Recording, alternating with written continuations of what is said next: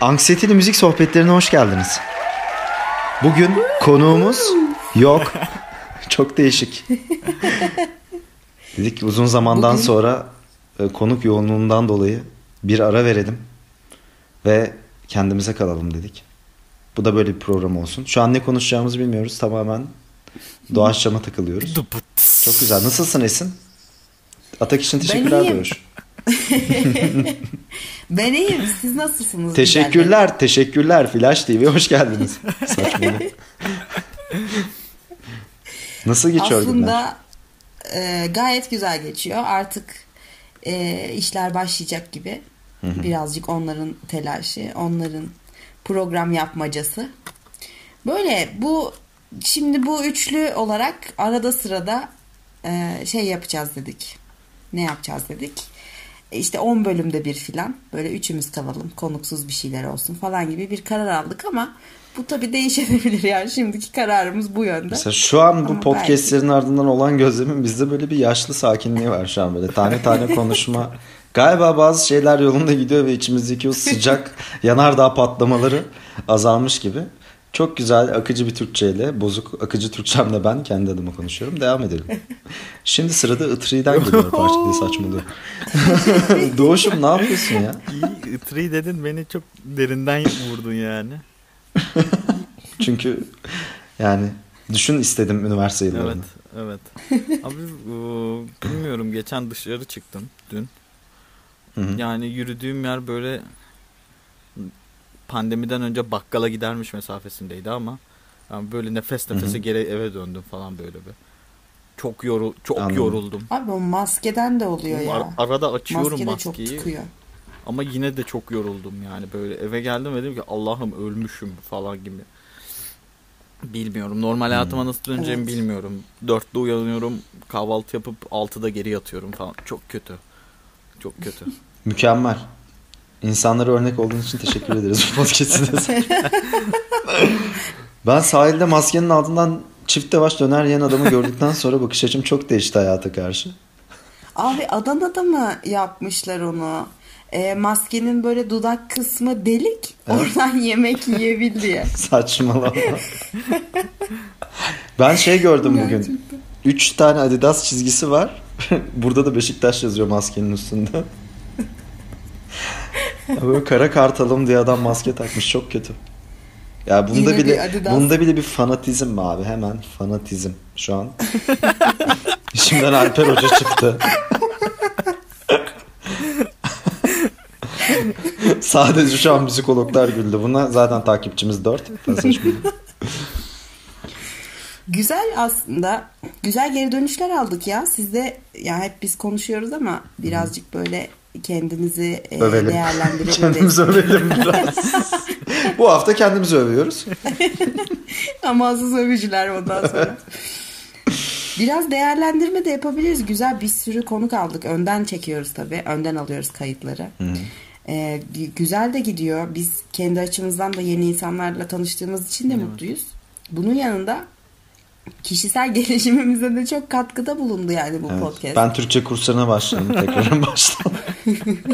Ana Her dilimle hafta, her alakalı. hafta yeni bir sürpriz isimle karşınızdayız ayrıca değil mi? Sayız. Sürpriz isimler. Tabii ki. Acaba Tabii. kimler Yani bu- kimler gelecek? 11'de kim var mesela? 12'de kim var?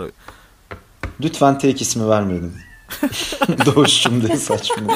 Bozuyor böyle. Benim saçmalıyor kelimesini kullanmamam gerekiyor. Lütfen beni uyarın. Senin e, şeyde Batu'nun e, şeyde kayıtta 48 tane mi Oktay şey silmiş patlama falan diye Hadi sürekli öyle bir şey oluyor. Of. falan oluyor böyle. Tabii. Onları işte şimdi muhtemelen bende de oldu. onlar. Volkan Onları- olmanın onlarla dezavantajları işte. Yani bu Ne arada olmanın? Volkan. Yanardağ. Coğrafyanız da yok herhalde. şimdi bu kayıt öncesi sana yolladığım ay fotoğrafına o demen hakkında konuşalım istiyorsan. Bence konuşmayalım yani. Etnosantrik deyip aya o demen de çok garip bir şey. Yuvarlak olduğu için ben tamam neyse savunmaya geçtim. Sen orada grafik notasyona kaydı kafan. Domajör çalamıyor. Stüdyoda gerginlik, gergin anlar. Ya güzel sohbetler ettik diye düşünüyorum. e, kendi adıma. Böyle ilk 5 Evet. tanesini detaylıca dinledim. Hakikaten böyle e, güzel, eğlenceli anlar da var. E, gerçeklere dokunan anlar da var. Bakalım nerelere gidecek. Gerek ağladığımız. Gerek güldük, gerek- kah güldük, kah ağladık. Podcastlerimizde. Ya acaba öyle ağladığımız bir bölüm olur mu ya? Çok yani böyle. çağırdığımız Kişiye kişiye göre değişir. Ki, Anksiyeteden ağlayacağız kim yakında. mesela. alabilir ki bizi? Anksiyete. Çağıralım mı? Kim anlatabilir? Bilmiyorum ki. Düşünelim. Yani böyle acıklı. Ne bileyim ya. Valla ben de bilemedim şimdi. Yani insanları güldüren diye hep bir şey var. Güldüren insan buluruz ama kimi ağlatır düşünelim. Yani Gerçi niye ağ niye ağlatsın hani? Ne bileyim böyle- Ne amaçla ağlatır mesela? Çok, Sinirden mi? Çok kanımıza dokunan bir şey söyler de öyle mi ağlarız? Hüzünlenip mi ağlarız? ne bileyim bir türkücü çağırsak ağlarız. Ağlayan bir türkü böyle değil mi? Topraklarımız müziği olduğu için.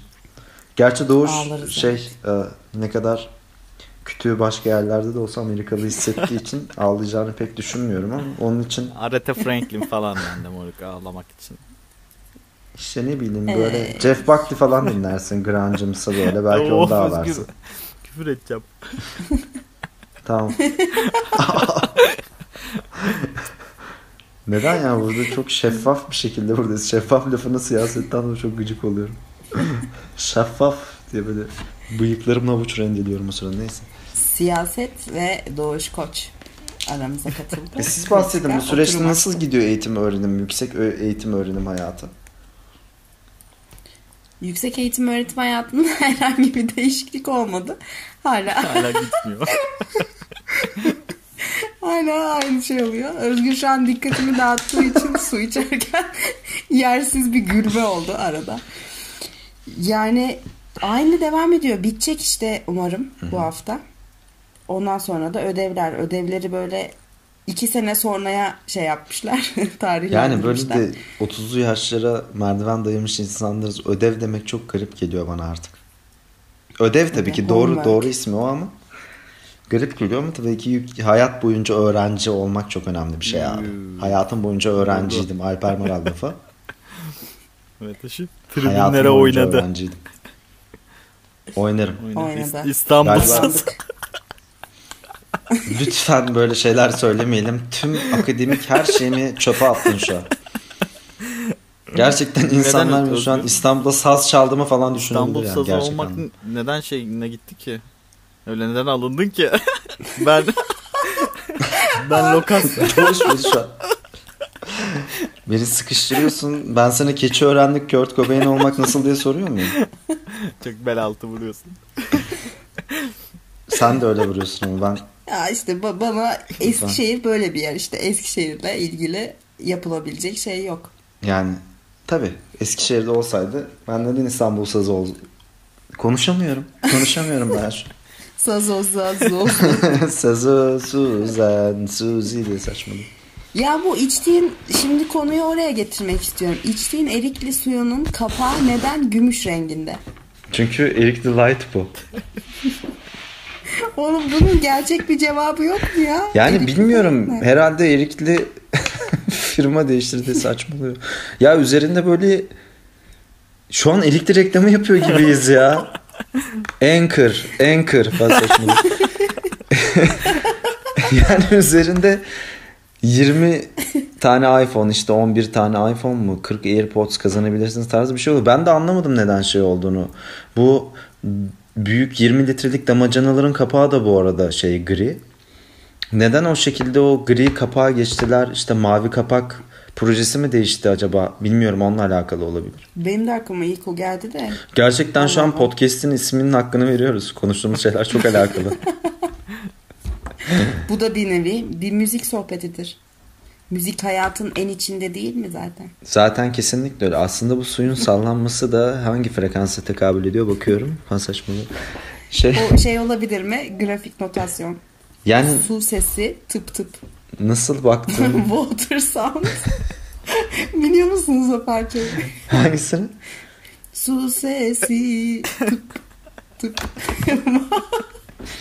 Onun şeyleri üç dilde falan söylüyor bu su sesini. Kim olduğunu hatırlamıyorum da. Hmm. Atarım size podcast'ten sonra. Şu an zaten podcast sonrası gibi konuşuyoruz bence. Güzel ya bence Doğuş sen ne düşünüyorsun bu kapaklar konusunda? ne çıkamamış orada. O zaman John Cash'ten 4.33 geliyor şimdi. ya. ya senin ya keşke fotoğrafını çekseydik şey videoya koyardık bunu. Transferli de. 4.33'teyiz ya. Lütfen bekliyorum hala. Bu espri hep tutuyor bir şekilde. Yüksek çevrede de tutuyor. Ama tabii bilmiyorum. Ya dinleyici kitlemiz nasıl peki podcast ile alakalıysın? Sen görebiliyorsun onları. Mesela 70'e 150 yaşarısı çok aktif. Bak şimdi onu anlatayım. E, Spotify'ın e, bu podcasters üzerinden yüklediğimiz e, bir mecra var. Cümleyi kuramadım da. Neyse podcasters'ta verileri görebiliyorsun. Spotify üzerinden dinleyenlerin falan. Orada böyle yaş skalaları da var. E, 0-17 işte 18 bir şey falan filan diye gidiyor. Sonra da 60-150 diye ya, yaş Hedef şeyi var işte. grafiği. 0-17 ve 60-150 yaş arası %6'lık e, şey dinliyormuş bize. Bizi Yani öbür dünyadan dinleyenlere çok teşekkür ediyoruz. 2 aylık bebekten 150 yaşındaki e, transhumanlara Selamlar olsun. selamlar. Bir de daha o devam ediyor aslında o grafik. Yani o bizi sadece 150 yaşına kadar olanlar dinlediği için ben o grafiği görebildim. Daha gidiyor, Gidiyor aslında. derken yani 150-300 O Tabi tabi öyle şeyleri var grafiği var koymuş adamlar hani belki bir insan sonrası insan üstü birileri varsa diye. Süper insan. futurizm. Neden olmasın vay bazı akademik şeyler geliyor E bu akademik akımları söyleyen arkadaş biraz açıklayabilir mi bize? Futurizm mi? Yes man. Hayır. Hayır. Futurizm diye bir şey yok abi bilmiyorum. Adam yani futurizm deyip ardından hayır demen isotlu bir şekilde de ayrı bir karmaşa. Savaş. Savaş istiyor. Hayır tabii ki e, teknolojiyle alakalı şeyler olduğunda tabii ki burada bana düşmez konuşma kesin varken. Esin'cim birazcık e, e, sen transhumanizm konusuyla çalıştığın için bize birazcık bu konuyla ilgili bilgiler verebilir misin? Ben tamamen kişisel merakım olduğu için sana soruyorum bunu bu yavaş şekilde. Özgürcüm e, şimdi şöyle oluyor. ya şu anda tabii yani o kadar akademik bilgi veremem de. Benim yaptığım çalışmada ya böyle şey gibi birazcık artık sağlıktaki teknolojideki ya teknolojinin şu anda insanın ürettiği bir şey olması söz konusu ama bir noktadan sonra artık insan teknolojinin kölesi olmaya başlıyor ya. Ee, ve artık bu yapılan yeni gelişmeler insanın yaşamını uzatmaya, e, sonraki basamaklarda da artık ölümsüzleştirmeye varabilecek çalışmalar hedefleniyor falan filan. Hani birazcık onun üstüne aslında ama bir sürü alanda çalışılan var. Yani bu sadece aslında dijitalleşme üzerinden de değil. İşte toplumsal cinsiyet bağlamında çalışılıyor. Ondan sonra işte yine sağlıkla ilgili bu çalışılıyor. Sinema televizyonda bu çalışılıyor. Bu bilim kurgu romanları, cartçurt onlar çalışılıyor. Aslında çok geniş mesela ekonomiyle ilgili bir tez bulmuştum ben çalışırken. Yani ona çok fazla bakmadım pek anlamlandıramam diye ama e, onda da öyle şeyler vardı. Ya yeni çalışmalar biraz böyle bunun üstünden gidiyor gibi sanki. Bir de bu çok fazla işte fon, para yatırılması falan bu dijital işlere, yapay zekaya. Ya onların da böyle farklı farklı isimleri var. Şimdi işte yapay zeka, artırılmış zeka, insan sonrası işte posthümanizm diye bir şey var. Transhümanizm var. Ee, yani biraz şey değişik o tanımlarda. O da çok yüksek ihtimalle şu anki yüzyılda e, tanımlanan bir şey olduğu için muhtemelen bir 100 yıl sonra 200 yıl sonra falan daha iyi anlayacağız bunların tam anlamıyla ne olduğunu. O yüzden hani transhümanizm tam budur falan demek de çok doğru gelmiyor bana ama Anladım. yapılan birçok çalışma var.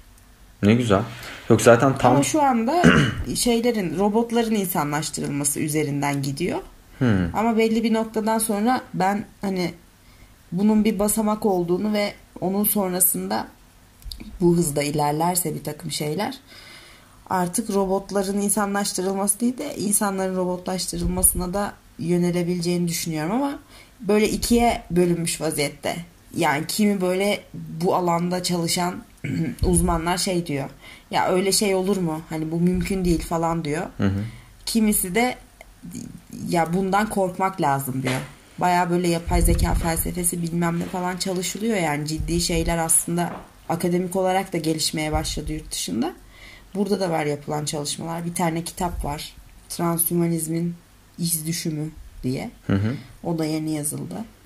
Falan filan. Yani birçok çalışma var. Bilmiyorum ki. Çok güzel. Ben bu kendi merakım kişisel sende görmüştüm. Biraz okumuştum işte. Ray Kurzweil mıydı? Ee, İnsanlık 2.0 kitabı. Onu okuyacağım daha sipariş veremedim ama çok ilgi çekici e, konu başlıkları vardı. Evet. Ya o adam mesela e, yani böyle internette Ray Kurzweil falan yazdığın zaman işte yüzlerce ilaç alıyormuş günde. E, Adam da kendisi de yani bir nasıl ölümsüz olabilirim kafasına girmiş. Hı hı. falan filan öyle şeyler yazıyor. Ya çarpıcı tabii yani bunlar. Ya mesela şimdi bu yapay zeka e, muhabbetlerinde de satrançla alakalı şeyler var mesela işte satranç şampiyonu bir adamı bir robot yenemez diye bir iddia üzerine bir şey tasarlıyorlar. Ondan sonra adam şey adam diyorum robot e, satranç şampiyonunu yeniyor. Ondan sonra diyorlar ki e, bunun daha zoru ne var? Go oyunu var. Go oyununda çok fazla olasılık olduğu için o olasılıkları robot çok yüksek ihtimalle hesaplayamaz. O yüzden işte onu yenemez falan. Sonra bir robot tasarlıyorlar. Bu sefer e, Go'da da bir başarı elde ediyorlar ki bu yenilerde. Şimdi bir bilgisayar oyununda hatta Barış Özcan da anlatıyor. O sanırım 2019'da Aralık 2019'daki bir videosunda anlatıyor. E, şimdi bir bilgisayar oyununda ama açık dünya bilgisayar oyunu.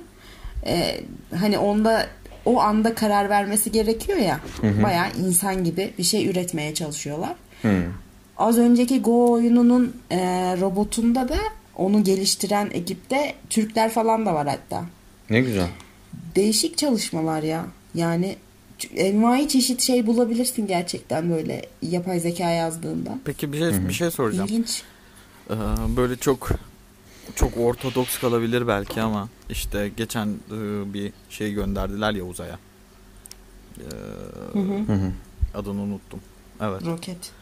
Onu gönderdiler ve birkaç gün öncesinde de bu e, Amerika'daki polis şiddeti muhabbeti falan patladı ya. Böyle kafamda şöyle Hı hı. bir şey kurdum. Yani gerçekten teknoloji araştırmalarına dünyanın üzerinde bu kadar aç insan varken gerçekten bu kadar para yatırılması şey mi? Ee, normal mi diye bir kendi kendime bir konuştum. Sizin de düşüncelerinizi merak ediyorum bu konuda. Ya tabii ki o aslında siyasal tabanlı büyük ülkeler, ülkeler arasındaki bir yarış. Hı hı. Yani bu hatta böyle Netflix'te sanırım eğlenceli tarih belgeselleri miydi? Tarih dersleri miydi? Tarih dersleri. Hı hı. Hatta orada ilk bölümü müydü, ikinci bölümü müydü? İşte uzay e, durumları anlatılıyor. Soğuk Savaş dönemi. İlk bölümünde Sonrası. İlk- galiba. ilk bölümünde değil mi? Bu şeyle alakalı hatta ya. Çok alakasız bir yerden bağlıyorlar. E, fast food'la alakalı bir şey e, anlatırken orada işte soğuk savaş muhabbetini falan anlatıp kaç katıymış ya. Yani açlık çözülebilecekken Tabii. küresel olarak küresel çapta uzay çalışmalarına daha fazla onun işte 3 Tabii. katı belki Yani para yatırılıyormuş falan. İşte. Rusya ve e, Amerika'nın yıllardır uzay üzerinde yaptığı böyle bir e, rekabet durumu var. E, onunla alakalı olarak aslında o dünyadaki sistem çok değişmiş değil. Oyun hep aynı. Hareketler aslında yıllardır aynı. E, sadece insanlar değişiyor. Sadece buradaki tek fark benim kendi çıkarımım bu. E, özel bir şirketin uzaya bir e, işte ne bileyim astronot yollaması durumu çok ütopik gibi gelirken bize Elon Musk bunu başardı. Çünkü bunlar hep devlet tabanlı şeyler olduğu için özellikle Rusya örneğine baktığımızda, Amerika örneğine baktığımızda ya da işte Çin e, ile alakalı, işte Kazakistan'la alakalı özel şirket yoktu. Askeriydi bunların hepsi. Devlet tabanlıydı. Şimdi özel şirket kuran bir adamın bunu yollaması tabii ki de çok büyük bir gelişme aslında. Ve özel Çünkü... bir şirketle devletin Amerika açısından işbirliği yapması onlar için de çok büyük bir güç. Ve bu yarışta öne geçme avantajı katıyor o ülkeye diye düşünüyorum ben. Ama aynı zamanda e, çok çok uluslu bir ekibi var ya Elon Musk'ın. O da şeyden kaynaklı zaten. E, işte devlet ya Amerika'nın verdiği destekle bunu yapmıyor ya. ya Amerika adına bir şey göndermiyor. Kendi firması adına uzaya bir şey gönderiyor. Dolayısıyla gidiyor işte Rusya'ya. Onu da Barış Özcan'da dinlediğim için anlatıyorum. Bu hatta gönderildikten ertesi gönderildikten sonra ki ertesi gün e, bu videoyu e, şey yaptı anlattı. Orada da onu diyor. Yani Rusya'ya gidiyor, işte Hindistan'a gidiyor, bilmem neye. Bu uzay çalışmalarına katıldığı için Elon Musk oradaki iyi adamları toplayıp ekibine alabiliyor. Özel bir firma olduğu için işte Amerika etiketi taşımıyor, Rusya etiketi taşımıyor falan filan. Siyasal bir durumu da yok evet, yani. Ulus, ulus ötesi oluşumlar, işte devlet grupları ya da ne bileyim işte Tesla gibi, Amazon gibi, Google gibi böyle uluslararası kuruluşlar artık dünyanın yeni değişen parametresinde güç odakları olmaya başlıyorlar ve devam edecekler böyle olmaya. Tabii. Ben de ben de biraz bununla alakalı bir şeyler çalışmıştım. İşte e, yeni paradigma değişiminde neomodern dünyanın öncüleri olarak. E, orada öne çıkan ya devlet gruplarını e, hani devlet tabanlı bakacaksak devlet gruplarının bir araya gelip bir e, oluşum içerisine uluslararası politikalar içerisinde bulunması ya da e, bu 1980'lerde başlayan bu özelleştirme furyasına sonucu olarak e, işte Amazon gibi, Google gibi ya da işte Tesla gibi şirketlerin artık sınırlar ötesi ya bu bu devletlerin şeyden e, böyle orta çarplı bir Asya ülkesinden daha fazla büyük ekonomileri falan var. Bu devletli şeylerin, şirketlerin. Hı hı. E, doğal olarak artık hı hı. devlet üstü bir güç olma mekanizmasına doğru gidiyor bu olay. Hı hı. Tabii bir de şöyle bunu şuraya bağlamak istiyorum. Bugün daha arkadaşımla konuştuk. Çok yakın bir arkadaşım.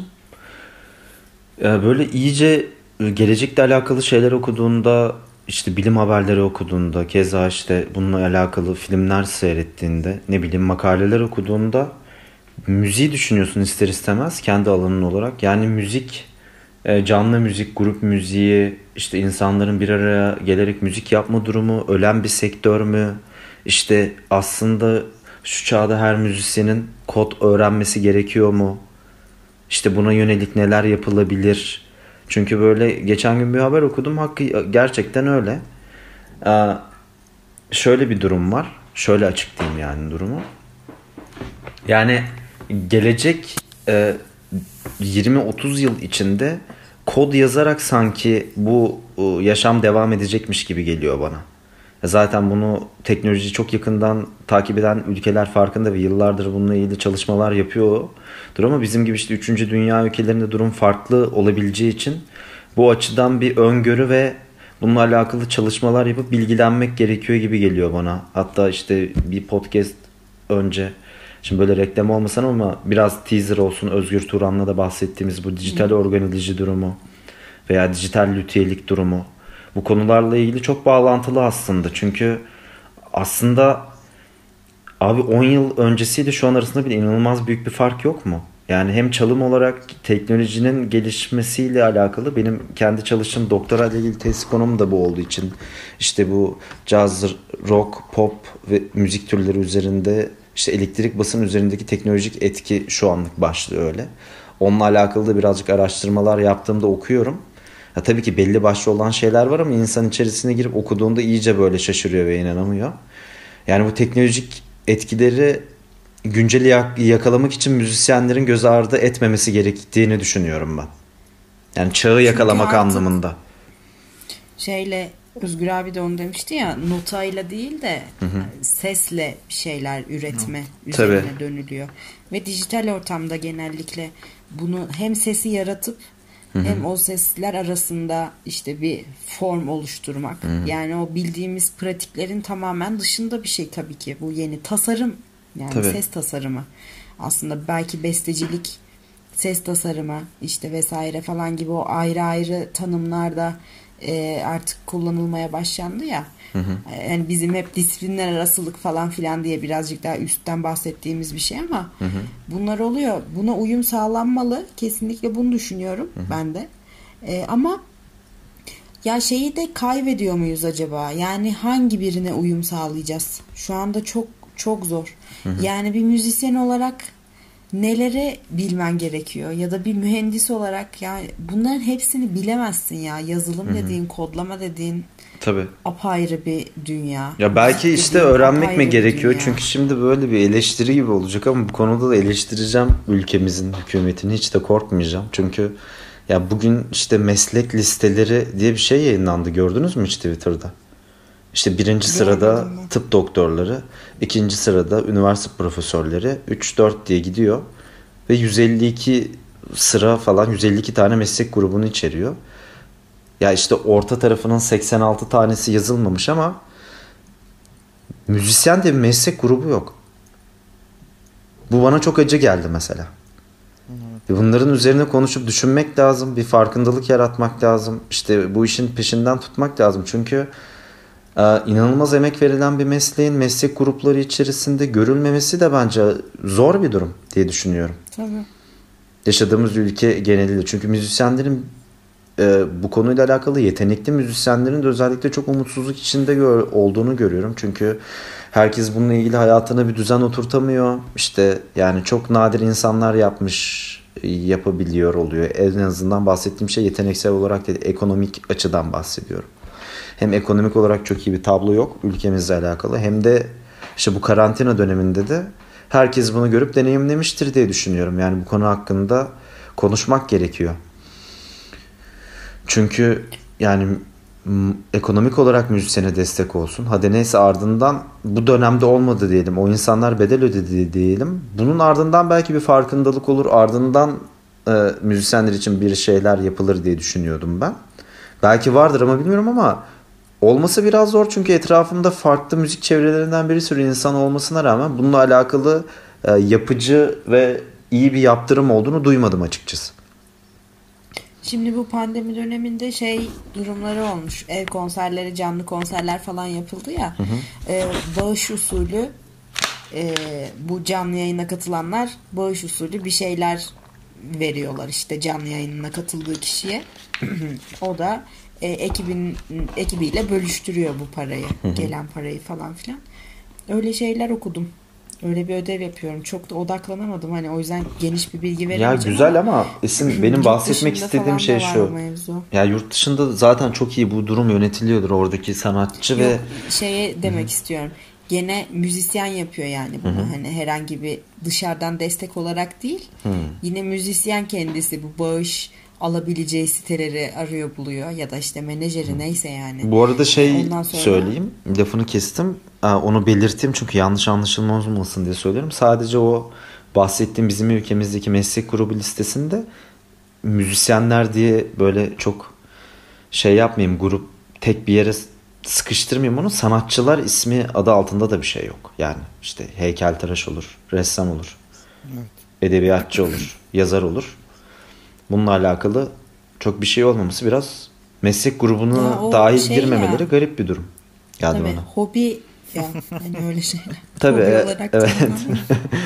evet. evet. Müzikoloji doktorusu yapıyorum ama zenginsin o zaman falan saçma. Böyle bakış açısı var ama bahsediyoruz. Evet. Kuş yemi. Bu Doğuş'un ilk aslında sorduğu soruya da tekrar geri dönmek istiyorum. Orada da söyleyecek birkaç şeyim var. Ee, yine Serdar Kuzuloğlu'nun tabii ki bir podcastinde şeyden bahsediyor. Tamam bu kadar uzay çalışması yapılıyor ya da artık başka gezegenler keşfedilmesine paralar harcanıyor, keşfetmeye başlandı. İşte Ay'a gidiliyor falan filan. Ama bunun bir sıkıntısı var diyor. Yani dünyayı gözden çıkarttık mı acaba hı. diyor. Yani senin şu anda burada yaşayabileceğin tek bir yer var. Dünya Tabii. Sen orada yaşıyorsun ve başka gezegenlere gitmek için Hani artık burayı o kadar kirlettik ki artık yaşanacak hale gelmedi. Başka gezegenlere gitmek için, aya gitmek için bu kadar paralar harcanıyor. Ama bu aslında iyi bir şeye sebep olması, iyi bir şey sağlaması gerekirken kötü şeylere mi sebep oluyor acaba? Çünkü bu sıkıntılı bir durum diyor yani. Evet, Hmm, küresel çok doğru. ısınma- Onun üstüne İşte bu e. Netflix'teki belgeselde de onu diyordu. Bu küresel ısınma muhabbetleri hani e, acaba şey mi? Yarın bir gün dünya batarsa işte kıçımızı güvene alacak başka bir gezegen mi bulalım? Yoksa burayı daha da iyi bir şekilde işte yaşanabilir bir hale mi getirmeliyiz sorusunu sormuşlardı orada. da. Hmm. Evet. Yani öyle gerçekten ya. Bir de hani şey yapmıyoruz galiba. Ee, çok tek taraflı mı ya da ileriyi düşünmeden mi hareket ediyoruz? Ya ben işte o Netflix'te izlediğim şeyde de atıyorum e, şey çalışmaları uzaya araç gönderme, uydu gönderme, cartçurt ya da işte aya bilmem kimi gönderme falan. Ya bunu aslında son derece böyle iyi niyetli bir şey falan gibi okuyabilecekken arka planını gördüğün zaman Hı hı. inanamıyorsun yani. Hani bu tamamen neredeyse iddia üzerine oluşmuş bir şey yani. Sen mi yaparsın ben mi yaparım bilmem ne mi falan gibi. Tabii ki. Ve bunun hala şu anda da devam ediyor olması, buna bu kadar para harcanıyor olması. Yani bilimsel bir ilerlemenin sonucu mu yoksa ne yani strateji mi? Ya strateji İşte de var daha- içinde, bilimsel ilerleme de var. Siyasi- Aslında Zaten- bazı siyaset de var, hepsi Bilim var zaten yani. he- hep e, şeye çanak tutmuş bir yerde aslında.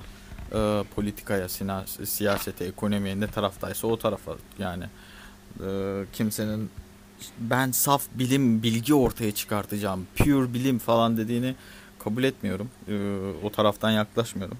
Keza aynı şekilde sanata da bakış açım aynı şekilde. Bu benim bireysel görüşüm. E, ama e, zaten hep böyle olmamış mıdır? Yani e, atom bombasını yapan ekibin içinde de Einstein var falan yani zaten. Yani ne kadar iyi bir şekilde yaparsan yap bir taraftan da devşiriliyor o şeyler. Tabii. Ya tabii bir de aklıma şey geldi şey mesela. geçen dün mü okudum? İşte bu insan iş gücünün azalmasıyla alakalı durum çok zaten aşikar. E, robotlaşma durumu işte. Yani sonuç olarak işte Amazon bile birçok insan gücü yerine robotla iş gücü yapan robotları çalıştırmaya başlamış mesela bununla alakalı. İşte bu süreçte hep böyle abi müzik nasıl olur acaba orkestralar falan böyle robotlar nasıl çalar düşüncesi vardır illaki. İlerlediğinde nasıl olur onu çok merak ediyorum mesela. Ya bu tamamen bir Ya merak. bu sanırım böyle bir e, faydacılık e, ya da işlevsellik muhabbetleri var ya. Biraz onunla alakalı aslında. Şimdi müzisyen neden ya da sanatçı ama hani bildiğimiz alan olsun müzisyen üstünden gidelim. E, neden şey durumunda şu anda bir meslek diye sayılmıyor? Çünkü bunun bir yararı yok yani herhangi bir şeye. Hani atıyorum müzik terapi olur. Hı hı. O zaman ya evet bu bir meslek diyebilirler. Niye? Çünkü o tıp doktorlarının içinde onlara böyle birazcık daha yakın bir şey. Anladım. Ama işte bar müzisyenliği dediğin zaman mesela senin ne faydan var bara? İnsan Sen müzik eğlendirirsin. yaparken birilere içki içebilir. Hani içkiden para kazanabilir bar. Ev vergisini daha fazla verebilir falan. Devlet hani ondan öyle yararlanabilir ama olmasa da olur mu? Olur. Bar zaten. Adam içmeye gidiyor yani oraya. E, Birazcık ben onunla da alakalı olduğunu düşünüyorum. Yani resimde, heykelde falan da böyle ya. Yani sen bir şey yapıyorsun. Tamam da bu senin yaptığın kaç para eder? Yani şu anda her şey öyle onun üzerine. Ve bizim zihnimiz de ona evrilmeye başlandı. Yani bunun işlevi ne ve bana ne faydası var? E, tamamen artık onu düşünüyoruz. Hakikaten tüketmeye yönelik. Yani bir şeyi alacaksın, tüketeceksin, yenisini alacaksın, bir daha tüketeceksin. Çünkü maruz kaldığın şey o. Yani sen istediğin kadar e, çok bilinçli ol. Yani o veganlık falan muhabbetleri de öyle aslında. Yani gerçekten şu an şu durumda o bilince ulaşabilmek çok iyi bir seviye yani. Tabii Yani ben duyarlılık seviyesi o- olarak söylüyorsun. Evet onu yapamıyorum. O, o farkındalık, Tabii. o e, şu anki bu e, sektörün işte o fast food sektörünün ya da sektör demeyelim de yani sürekli bir uyaran ona hep maruz kalıyorsun ve bir yerden bir düşersin yani bir hamburger yiyme falan. Düşmüyorlar yani. O gerçekten inanılmaz bir şey. Tabii. Sana sürekli e, bir yerlerden bir şey patlatıyorlar yani. Hep o neon ışıklar dikkatini dağıtacak bir şeyler. Bilmiyorum çok gerçekten inanılmaz ya. Bazen şeyin çok farkına varıyorum böyle. Abi her şey benim istediğimin planladığımın dışında hani hakikaten köle mantığı. Evet. İnsanlar köleleştiriliyorlar. Hı hı. Artık senin hiçbir şeyi seçme, hiçbir şeyde karar verme gibi ya da üretimde de aynı şekilde. O yüzden Doğuş'un dediği hani o bilim ve sanat üretimlerin de hep siyasete, politikaya çanak tutar diyor ya. Hı hı. Doğal olarak Tabii. tutar. Çünkü öyle bir şeyin içinde sen onu üretiyorsun zaten yani. O tamamen alakasız bir şey olmaz ki. Senin ürettiğin koşullar belli. Senin bunu ne koşullarda ürettiğin belli. Yani senin aynı şekilde müzik üretiminde de öyle. Aldığın cihaz belli. O cihazdan alabileceğin geri dönüş belli yani. Hani bunu herhangi bir abuk sabuk bir işte gitarla çaldığında aynı tınıyı alamıyorsun. Ama o kulağındaki tınıya yakın bir gitarla çaldığında bu sefer onu o sesi işlediğin makina bilmem ne. E bunların hepsi sana dayatılan şeyler zaten. Yani ben hani kendi yaptığım bilgisayarla bunu yapayım falan deme şansın yok yani. Tabii canım. Ama şey kafası da çok şu an ilerliyor ya. Yani son 5-6 yıldır. Gerçekten 10 yıl önceden 15 yıl önceden baktığımızda inanamazdık. Tek başına müzik. Teknoloji sayesinde. Hı hı. Yapan çok güzel hı. Müzisyenler var. Yani bu durum sanki o İnsanlık 2.0 kitabında yazıyor muydu bilmiyorum. Öyle yalnızlık bölümü gibi bölüm vardı. Yani böyle teknolojinin getirdiği yalnızlık tadında. Hı. Şimdi yanlış açıklamayayım ama biraz göz atmıştım. Öyle bölüm vardı eminim. Hı hı. Yani onları da düşünüyorum ben. Böyle yalnız müzik kavramı çok artacak. Tabii ki eski sanat işte disiplinlerindeki o toplu çalışmalar devam edecektir ama onun dışında teknolojinin işte bir yandan çok güzel sunduğu şeyler var. Bir yandan götürdüğü şeyler de var. Ama işte bazı müzik eğitimleri, müzik türleri sanki yeni çağa ayak uyduramayacakmış anksiyetesi var benim kendi kişisel görüşüm içimde yani.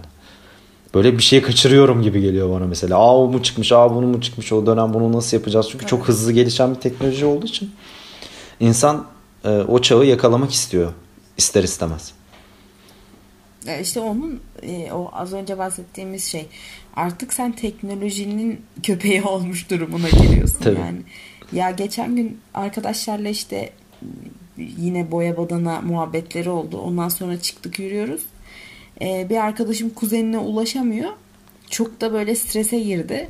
Ya araba da kullanıyor işte daha yeni araba kullanmaya başladı. Nerede bu kız bilmem ne falan filan. Kızın şarjı bitmiş alt tarafı ama haber edebileceği kimsenin telefonunu da aklında tutmadığı için Tabii. sadece o akıllı telefonunu kaydediyor. Şarj bitince kimse haber alamıyor. İki saat falan geçti sonra böyle işte eve gidince aradı arkadaşıma. Ya işte böyle böyle şarjım bitti bilmem ne falan. O gün düşündük mesela. Ya benim de aklımda olan birkaç tane numara var. Ablamların Tabii. numaraları bile ezberimde değil yani. Yani ben ta anneminki, Oktay'ınki falan. Kon, o, o kontörlü kadar. telefon döneminden hatırladıklarım var böyle yani. Abi o kadar ya. Tabii, tabii. O bile aslında seni nasıl tembelleştiriyor yani. Ajanda bu alarm muhabbeti olmasa telefonda hı hı. hani ben bütün derslerimi, bütün işte o görüşmeleri, şunları bunları telefonun ajandasına kaydediyorum. Hakikaten bir sıkıntı olsa ya da işte kamera bilmem ne falan bile öyle fotoğrafları bastırıyor musunuz siz yani? Hepsi dijital ortamda şu anda. Tabii. Bizim evle, evlendiğimiz zaman böyle arkadaşlarla olan eğlenceden olan fotoğrafların bile çıktısını almadık daha. Tabii. Bilgisayarda bir şey olsa gitti o anılar yani. Sen hani yaşadın okey falan ama Tabii canım. öyle yeni tanıştığın birisine ya da çoluğuna çocuğuna gösteremeyeceksin. Tüm anılar yani. iCloud'da şu an. Tüm anılar orada yani. Baksana şu an dijital anı biriktiriyoruz hep beraber. evet aynen öyle. Yani işte ya onun tabii ki iyi şeyleri de var, yanları da var. Hı. Belki işte fotoğrafçılıkla ilgili birisi bunun çok daha kolay, çok daha hızlı olacağını düşünür ama işte kolay Hı. ve hızlılık mı yoksa öbür türlüsü mü hani o konuda bilmiyorum. Mesela o, o fotoğrafçılık yani. direkt bana öldü gibi geliyor. Müziği de o anksiyeteyle düşünüyorum ben. Abi öldü ya böyle stüdyo özgür gideyim bir tane çektireyim falan böyle o kadar garip Ancak geliyor ki tabii pasaport, pasaport için bilmem ne için. Gidiyorsun işte bir yurt dışına çıkmıştım 4-5 ay önce onun için gittim de çok garip hissettim mesela yani ki eskiden çok e, normal bir şeydi. Ne bileyim yani onlar tabii devam ediyor o sektör öldü gibi geliyor. Çünkü inanılmaz teknolojik durumlar işte böyle akıllı telefonlarla herkesin bir anda yani bir anda düşünsene bir sosyal işte medya programı kullanmaya başlıyorsun. Herkes öyle oldu ya bir anda Instagram'da fotoğraf çektiğin kadar o kadar kolaylıkla müzik üretebilmeyi ürettiğini düşünsen öyle. Bir anda olunca o sektör hem çok Tabii. onunla ilgili çok fazla veri oluyor, fotoğraf oluyor. Abi. Ya tabii ki o gerçek fotoğrafçılığın yerini tutmaz ama değişik bir tesadüf yani. Biliyor musun? Nasıl düğün fotoğrafçıları şu an devam ediyorsa düğün müzisyenleri Hı-hı. de yine işlerine devam eder gibi bir öngörüm var. Tabii tabii canım. tabii tabii. Şey diyebilir miyiz mesela düğünler ölmez. Aynen. Büyük ihtimal ölmez. Yani bizim üçüncü dünya ülkelerinde DJ'ye geçiş biraz daha uzun sürer diye düşünüyorum diye saçmalık. Ya düğünler bununla ilgili de çok fazla buralar okuma yapıyorum da Abi çok ya gerçekten keşke Serdar Kusuloğlu'yla tanışabilsek ya. Evet. çok isterim. Ya adamın podcastleri benim için böyle araştırdığım şeylerin özeti gibi ya. inanılmaz yani. Evet tabii. Senin konunla çok ya. alakalı teknoloji tutkunu birisi olduğu için. Buradan sesleniyoruz. Teknolojide, teknolojide olmadığı için işte düğünler falan bizim bir ritüel şenlik festivaller diye Serdar Hoca ile bir dersimiz vardı o işte. Orada da işte onun üzerine okumalar yapıyoruz. İşte ritüellerdir, şunlardır, bunlardır. Mesela düğün falan gerçekten inanılmaz şeylere dayanıyormuş aslında. Yani bu tabii o kitabı yazanın fikri, araştırması doğrultusunda kim olduğunu da hatırlamıyorum. Tabii ki ismini hatırlamıyorum. Ama e, işte şey diyor. E, o ilk zamanlardaki düğün törenleri de bunlar geçiş ritleri falan gibi sayılıyor. E, şeylerin, tanrıların gökyüzünde yaptığı şeylerin yeryüzündeki canlandırılması diyor. Evlilik töreni de öyleymiş mesela. Ya da işte ölüm. Birisi öldükten sonra işte e, eğlence düzenlenmesi, yemek verilmesi, şu olması, bu olması. Sonra başka bir yere ya da göğe yükselirken ya da işte öteki taraf denir ya oraya geçerken mutlu geçsin ve hani ardında bıraktıkları e, mutlu olsun. Çünkü o diğer tarafta daha mutlu olacak falan filan gibi böyle bir sürü şeyleri var. Arka planı var yani. Anladım. Şu anda tabii biz bunu düşünerek hadi şimdi işte e, ölümde şöyle yemek verelim. Yok işte düğün bu yüzden yapılıyor falan gibi yapmıyoruz ama hı hı. o anlatı birazcık birazcık yok olsa Kültürel bile senin yaptığın şey evet öğrendiğin şey değişmiyor. Ya bunu niye yapıyoruz diye hala gerçekten sorulmaması çok acayip yani. Tabii canım. Ya, ya biz böyle işte düğün yapmayacağız falan filan hani bizimkiler de çok sıkıntı yaratmadılar zaten hani onlar da tabii yapmayın falan oldular ama abi şimdi düşünüyorum mesela sünnet düğünü filan neden yapıyorsunuz abi bunu niye yani? Yani işte ne, gelenek... neden ne gereği var bunun? Ya bence de yok ama işte burada dur hep kişisel tercihler ve bakış açıları devreye giriyor. Bence kişisel tercihler ve bakış açıları değil işte sorun orada. Hmm. Bu tamamen ezberden yaptığım bir şey yani. Burada bir tercih falan gibi bir durum yok. Hani evlenilecekse düğün yapılacak. Okey o direkt ön kabul yani. Yani onun dışında bir şey yapmak kişisel tercih o düğün mevzusu çok kişisel bir tercih değil bence. Felsefeli müzik sohbetlerimiz şu an devam ediyor Esin'le evet. Ya da şey düğünlü evet. müzik sohbetleri. Şimdi düğünle alakalı ben ayrı bir podcast'te konuşuruz. Burada neden yani konuştuğunuz adam sonra mesela söyleyeyim.